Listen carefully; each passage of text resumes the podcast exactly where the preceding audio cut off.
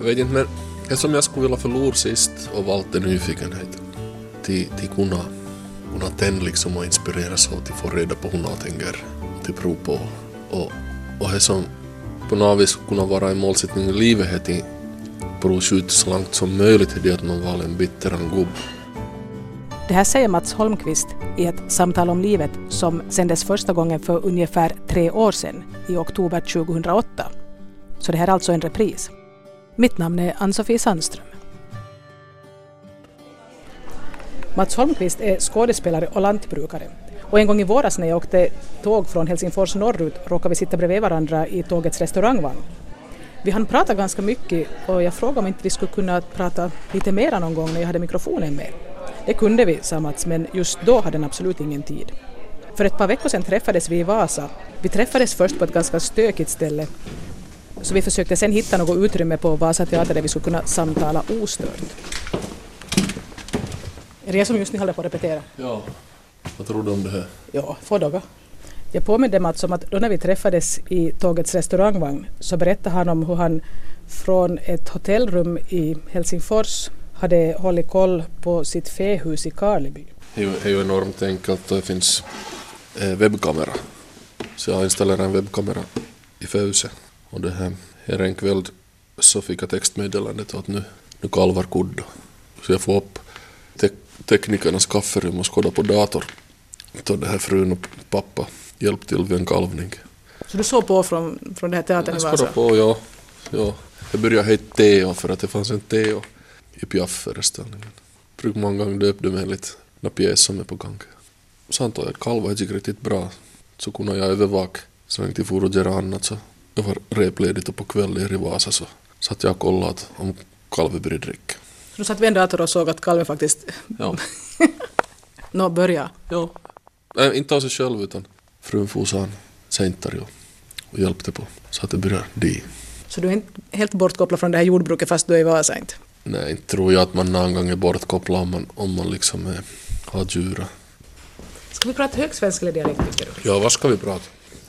Det kommer inte bli svårt det här nu för att vi har, vi har ju startat att prata dialekt med varandra. Mm. Nej, jag, jag kan ju testa nu. Nu sitter vi på Vasa Teaters studioscen, eller just mellan scenen och, och den mobila lektorn. Ni är full gång med repetitioner mm. just nu har jag förstått. Pjäsen är Onödiga människor av Reko Lundan översatt och regisserad av Joakim Groth. Hemskt spännande, mycket roligt, djupt tragiskt och ändå plats för skratt. Det känns okej att tala högsvenska nu? Nu börjar jag bli lite varmare i kläderna. Ja, okay. Du kan börja med att du själv berättar lite om dig. Vem är du? Och vad gör du? Nu ska vi börja från namnet. Jag heter Mats Holmqvist. Varför är det så svårt att säga sitt namn? Jag vet inte. Men man blir lite blyg. Född i gamla Karleby 1965. Bott på orten egentligen hela tiden men varit på kortare eller längre kommenderingar. Efter gymnasiet studerade jag ett år på Rudolf Steiner seminariets biodynamiska linje i Järna i Sverige. Samtidigt som jag var där så spelade jag amatörteater. Vi gjorde West Side Story på Ljungsborg just den hösten och vintern. Och det här pendlade hem till det här och blev så pass tänd på det här med teater. Det har ju varit en del av mitt liv ända sen, sen jätteliten. Från både mammas och pappas sida så har släkterna varit engagerade i, i ungdomsföreningen, Karleby ungdomsförening på Ljungsborg.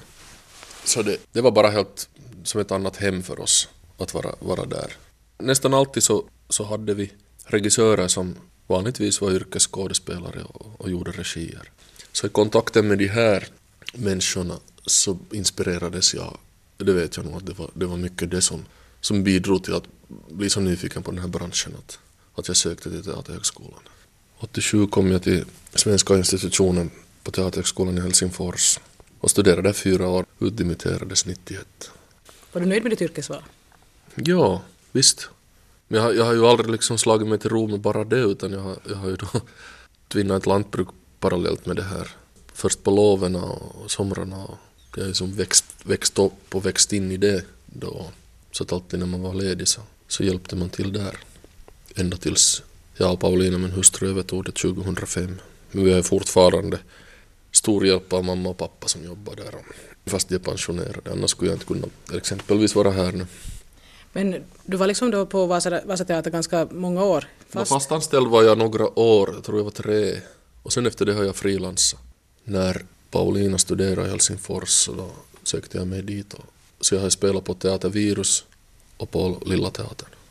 Så att de här åren där kring mitten av 90-talet så bodde jag liksom andra omgången i Helsingfors. De åren är jag nog hemskt glad för att det, jag tror att jag lärde mig en hel del. Det var åtminstone jätteintressant att, som nu till exempel på Lilla Teatern, att få spela med de här äldre skådisarna som, som var så oerhört rutinerade. Asko Sarkola och Tom Wenzel. Och de här, jag hade en hyperliten roll i det här första engagemanget. En fars, renodlad boulevardkomedi, Pyjamas för sex. Och det här. Jag hade en scen i andra akten, så resten av tiden satt jag och tittade på, på föreställningen. Och det, det är nog hemskt lärande. Att bara följa med hur det fungerar från kväll till kväll till kväll med olika publik.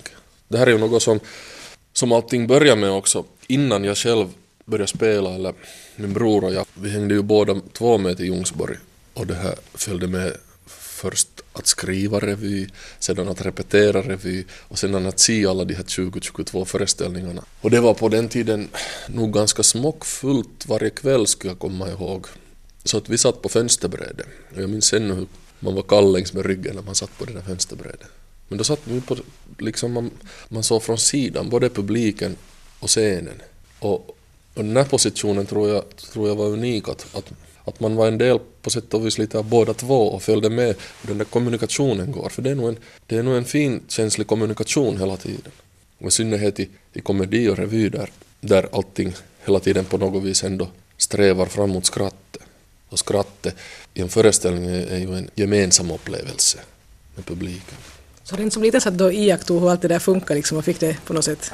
Ja, skulle jag säga så. Vi kunde ju de där föreställningarna utan till. Man funderar ju lika mycket om det inte liksom blir lika stor reaktion som det blev kvällen före. Att vad berodde det där på nu? Så kanske det berodde på att, att själva den här liksom punchlinen slarvades bort eller att man var otydlig innan vitsen. Att det kan vara rytmsaker. Så du visste ganska mycket om sådant när du började studera egentligen? Jag visste ingenting. inte vet jag om jag vet något ännu heller men, men kroppen lär sig. Man liksom, det sitter i kroppen det där med tajmande. Folk vet antagligen inte hur noggrant man vet om att om någon hostar i, i publiken. Men har du en replik som är liksom nyckelreplik för hela kvällen man försöker verkligen liksom lyssna in, att få dit den, att, att det inte kommer någonting eller någon stor skra, skrapning just på det där. För du kan inte ta om det heller, det har farit. Det har farit där. Det tänker man inte på som publik. Nej, och inte ska man göra det heller. Man ska ta emot och njuta och vara en del av det. Men en skådis måste, måste lyssna och vara, vara liksom en del av skeendet. För att det är ju inte film, det är, det är på riktigt, det, det lever. Jag måste stänga telefonen. Så det. Jag ber Mats Holmqvist berätta om det här lantbruket. För om jag minns rätt så när jag träffade honom på tåget i våras så var han på väg tillbaka från något möte som hade att göra med ekolantbruk. Ja, ja, vi har ett eko, ekolantbruk.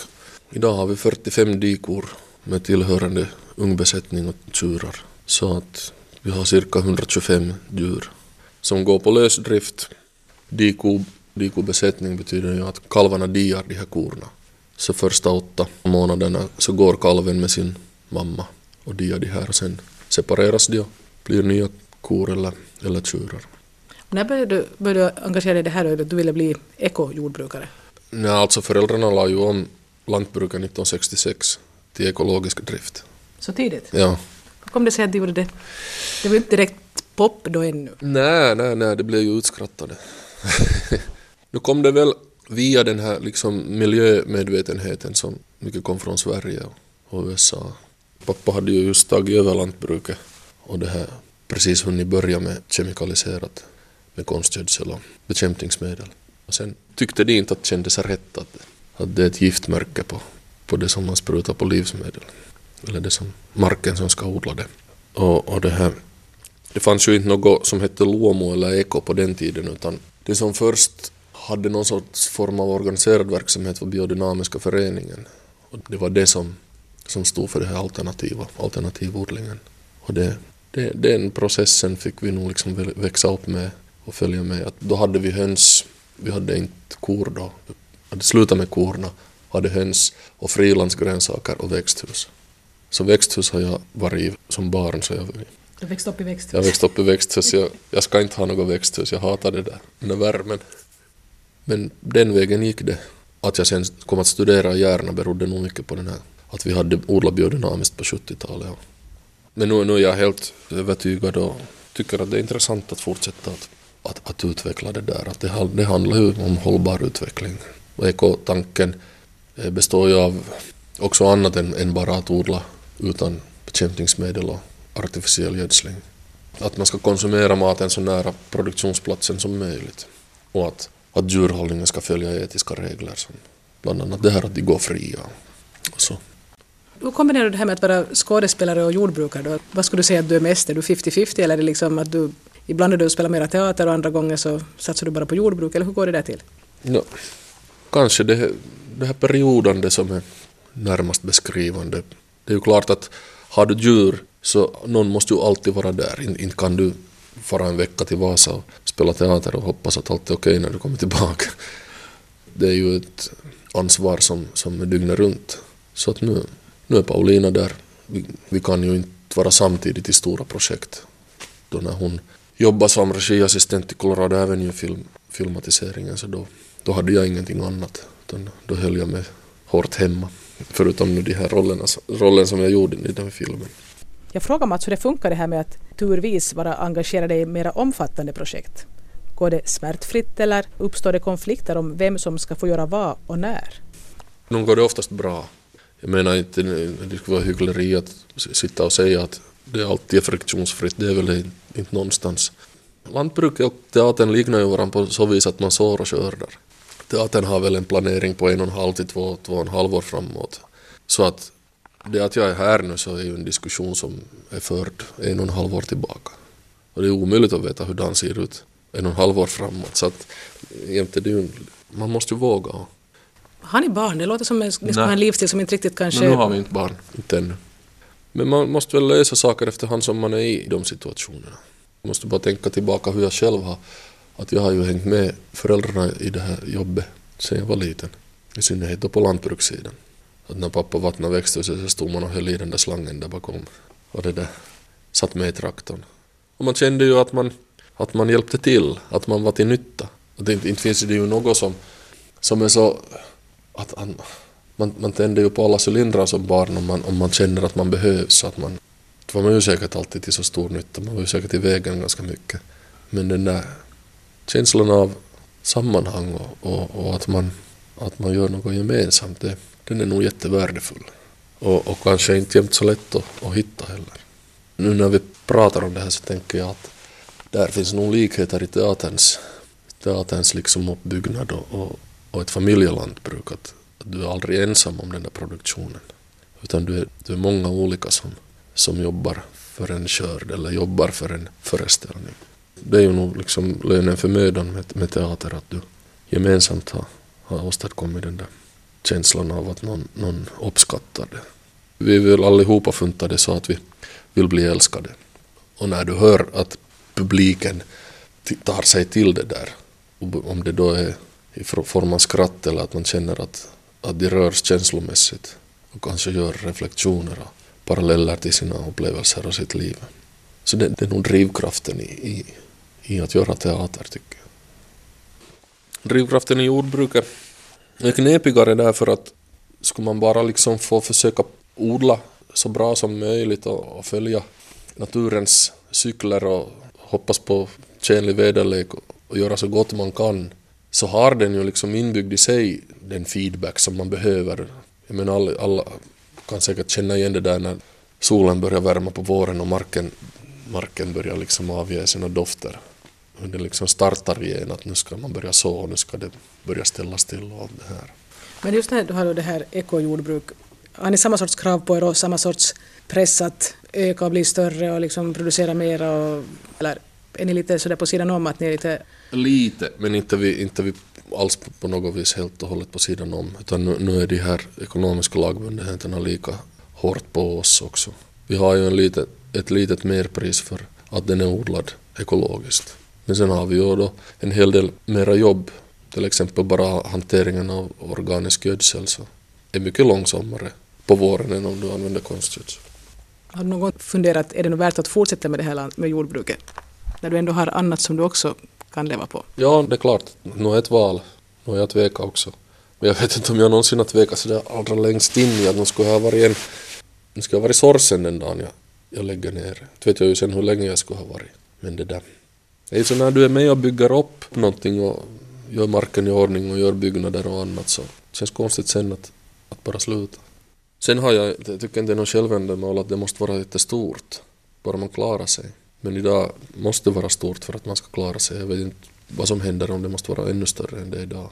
För tillfället bygger man ett två hektar stort, eller det man ska just börja bygga en två hektar stor market på våra gamla ägor. Jaha. Det är, numera, det är inte vår ägo mera. Vi flyttade därifrån när det byggdes en omfartsväg där i närheten. Så flyttade vi produktionsstället. Och det finns väl sex, sju marketer från tidigare i Karleby. Och det där. Nu förstår jag att man utvecklar samhället och bygger städerna, men är det just det här liksom köpande som, som är det allra, allra viktigaste?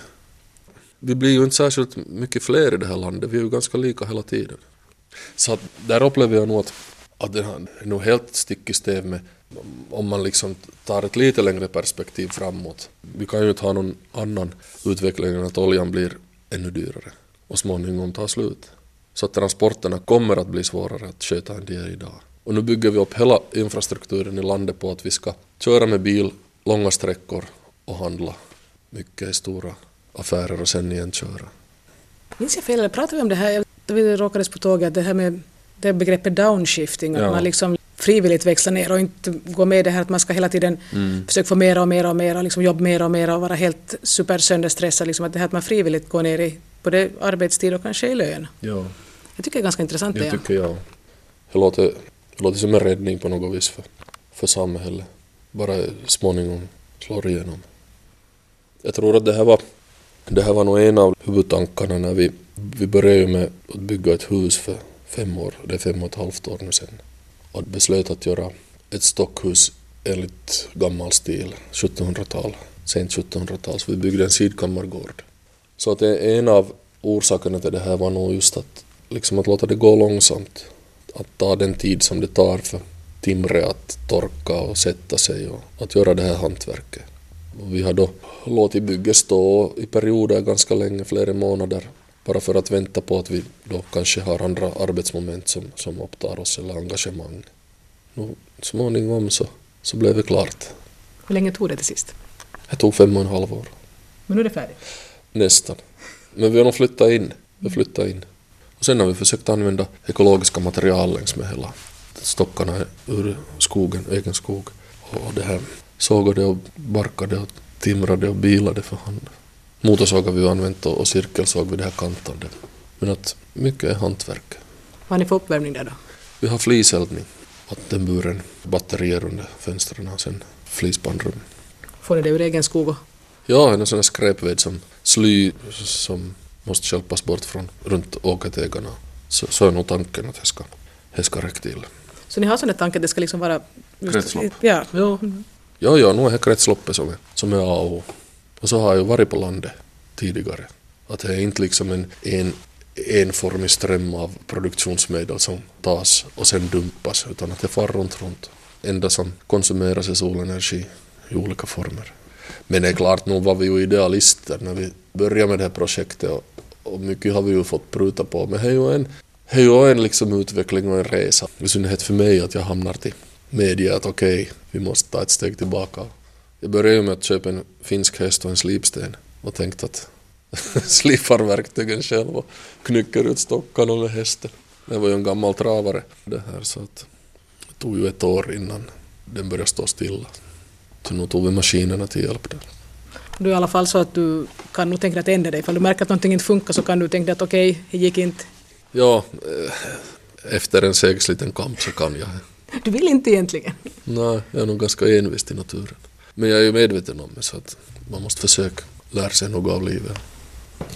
När man lyssnar på Mats Holmqvist så är det ganska uppenbart att det han gör så gör han inte i första hand för pengarnas skull utan han verkar söka någon annan sorts tillfredsställelse. Teatern är nog för att för glädjen av att uppleva när det liksom fungerar och upptäcka nya saker. Och kanske gemensamt uppleva några insikter om vad det innebär att vara människa. Så därför skulle du inte vilja vara jordbrukare heller? Nej, nu tror jag att, nu tror jag att det behövs växelbruk. Och nu tror jag att de flesta människor har någon sorts växelbruk. Det är ju olika för olika människor vad som är det här som, som tilltalar en och vad man behöver för sorts växling. Du verkar i alla fall veta ganska bra vad du vill och vad du tycker att du får ut av någonting. Att just det här att teatern ger dig liksom chans att göra någonting dels tillsammans med andra och så får ni ut någonting av att ni kanske kan ge någonting åt publiken plus att du hittar kanske saker hos dig själv som inte du visste att du hade heller för att mm. du ska mm. kunna spela en viss roll. Mm. Ja, så är det ju när det fungerar som bäst. Sen finns det ju transportsträckor när, när det inte blev som man tänkt. Ibland. Eller att det blev ganska bra. De där highlightsen kommer ju inte hela tiden. Och det måste man ju acceptera. Det kan inte vara solsken hela tiden. Jag vet inte om jag har rätt, men jag får en känsla av att Mats hemskt medvetet har valt att göra just sådana saker som känns meningsfulla för honom. Mm, kanske. Förlåt, inte så du har gjort det lätt för dig på något vis. Jag menar att ha ett sådant ekojordbruk plus att du samtidigt är skådespelare, du har ju inte gjort det direkt lätt för dig. Nej, nej kanske inte. Eller för mina medmänniskor. Men jag tror inte ändå att, att, så att jag skulle har stakat ut någon, någon gång för 15 år sedan att så här ska allting bli. Utan eller i varje skede så har jag nog en, någon sorts känsla av att, att allt flyter. Att det är liksom en fingertoppskänsla att saker och ting händer och sker kring en. Och så måste man, så måste man följa det och, och kanske ge upp någonting annat. Nu har det här husprojektet blivit väldigt långt så som vi tänkt. Och att kunna medverka i teaterföreställningar kanske en gång per vinterhalvår har lyckats ganska långt. Men att nu finns ju saker som händer som inte absolut skulle ha fått ske och som inte, som inte man hade alls kalkylerat med. Som nu till exempel att, att min bror insjuknade i leukemi för exakt tio år. Nej, han dog för tio år sedan. Han insjuknade 95, då när jag var på Lilla Teatern.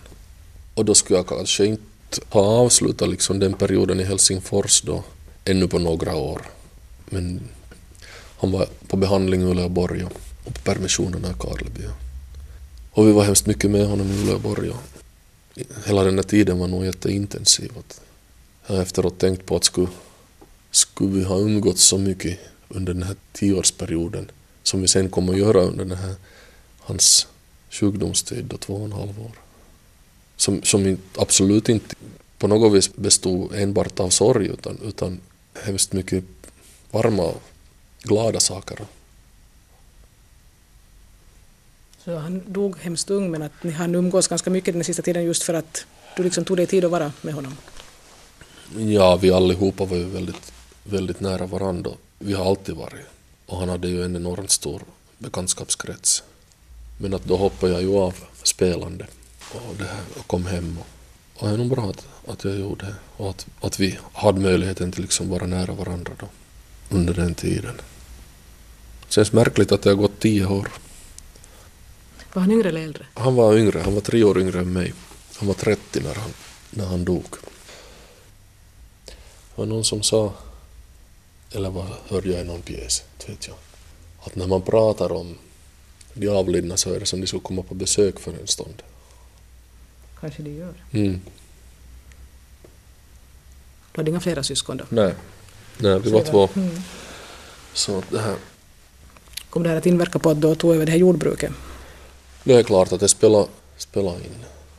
Inte hade vi nog kanske diskuterat så långt med Stefan men då skulle möjligheten alltid ha varit att han skulle ha gjort det. Så fast det liksom efteråt när man ser tillbaka kan, kan se ut som att nej, men det är ju självklart att det blev så det och att det blev så det. Men det är ju likadant som i repetitionsskedet av en pjäs, att de där valmöjligheterna hur man väljer att göra är så oerhört många. Så att i varje skede så har du måste välja bort. Det är mycket lättare att gå bakåt och följa spåret på det sättet än att när du, när du ska gå från start till mål så finns det så tusentals olika saker. Här, så det är ju det som är livet. Ja, man får ju inte skåda i facit hur skulle det bli om jag gör så det, utan Nej. man måste mm. göra på ett sätt. Mm. Ja, vi tog en liten paus när jag bytte batteri. Och när vi sen fortsatte prata så var det på dialekt.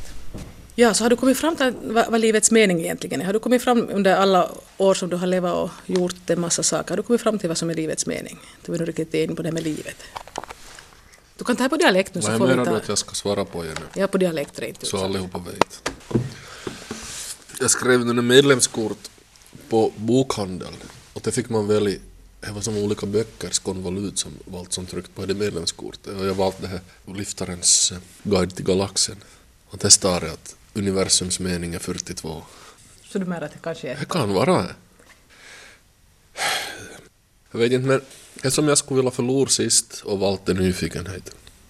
Till, till kunna, kunna tända liksom och inspireras av till få reda på hur något tänker och till prov på. Och, och det som på något vis kunna vara en målsättning i livet är till prova skjuta så långt som möjligt är det att man valde en bitteran gubb. Att vänta med så länge som Ja, det kan ju hända att man, att man är blind för det, att man inte ser att man är rej. Men det här, Då ska man ha alltså med folk runt omkring som kan säga, hör du, jag är gift, gift med en som håller koll. Alltså det är ju jättebra om man har någon som man kan prata om saker med sig som de är. och någon som vågar säga och som som vågar säga och som var man lite var liksom på rätt sätt härsa upp på. Är fokus nu på rätt ställe. Om man börjar... Det är ju en ohälsosam känsla i det och att, vet du, att om man inte har varit tacka tillräckligt mycket eller att, man börjar ta sig själv på för stort allvar. Man måste väl skaka av sig projektet och prova det nästa gång. Så kan det vara bra att byta lite perspektiv emellanåt. Och jag tycker jag, jag har upplevt, som i synnerhet i amatörteatersammanhang, hur, hur hälsosamt det är till, till något lite liksom blanda upp konstellationerna av människor och, och grupper. Att många gånger är ju själva repetitionen av det som är riktigt intressanta. Det händer, händer mellan människorna. Vi är ju nog ganska unik som nation att det här teaterintresset är så jättestarkt. Att nu har ju haft enorma betydelse för hela Finland det här frivilliga föreningsverksamheten och, och teater som kulturutrymme. Jag har hört om en, det var en kollega som spelade med i Okänd soldat då de spelade på Pynik i Tammerfors som sommarteater. Och så hade, så hade det recenserats, eller det hade varit en artikel i en nordamerikansk tidning på östkusten som hade beskrivit det här fenomenet. Det hade varit helt häpen över att det finns ett folkslag långt i norr, i Norden, som det här sitter i hällregn och valbitti om myggorna på en läktare mitt i skogen och skådar på en pjäs som handlar om en krig som de förlorar. Kan tänka mig att det är lite svårt att förstå. Det skulle inte vara kanske ett vinnarkoncept i Amerika. Eller? I övrigt då, är du nöjd med livet? Jag är nog här. Det är bra, he? Då är inte du bittergubbna än. Jag hoppas det.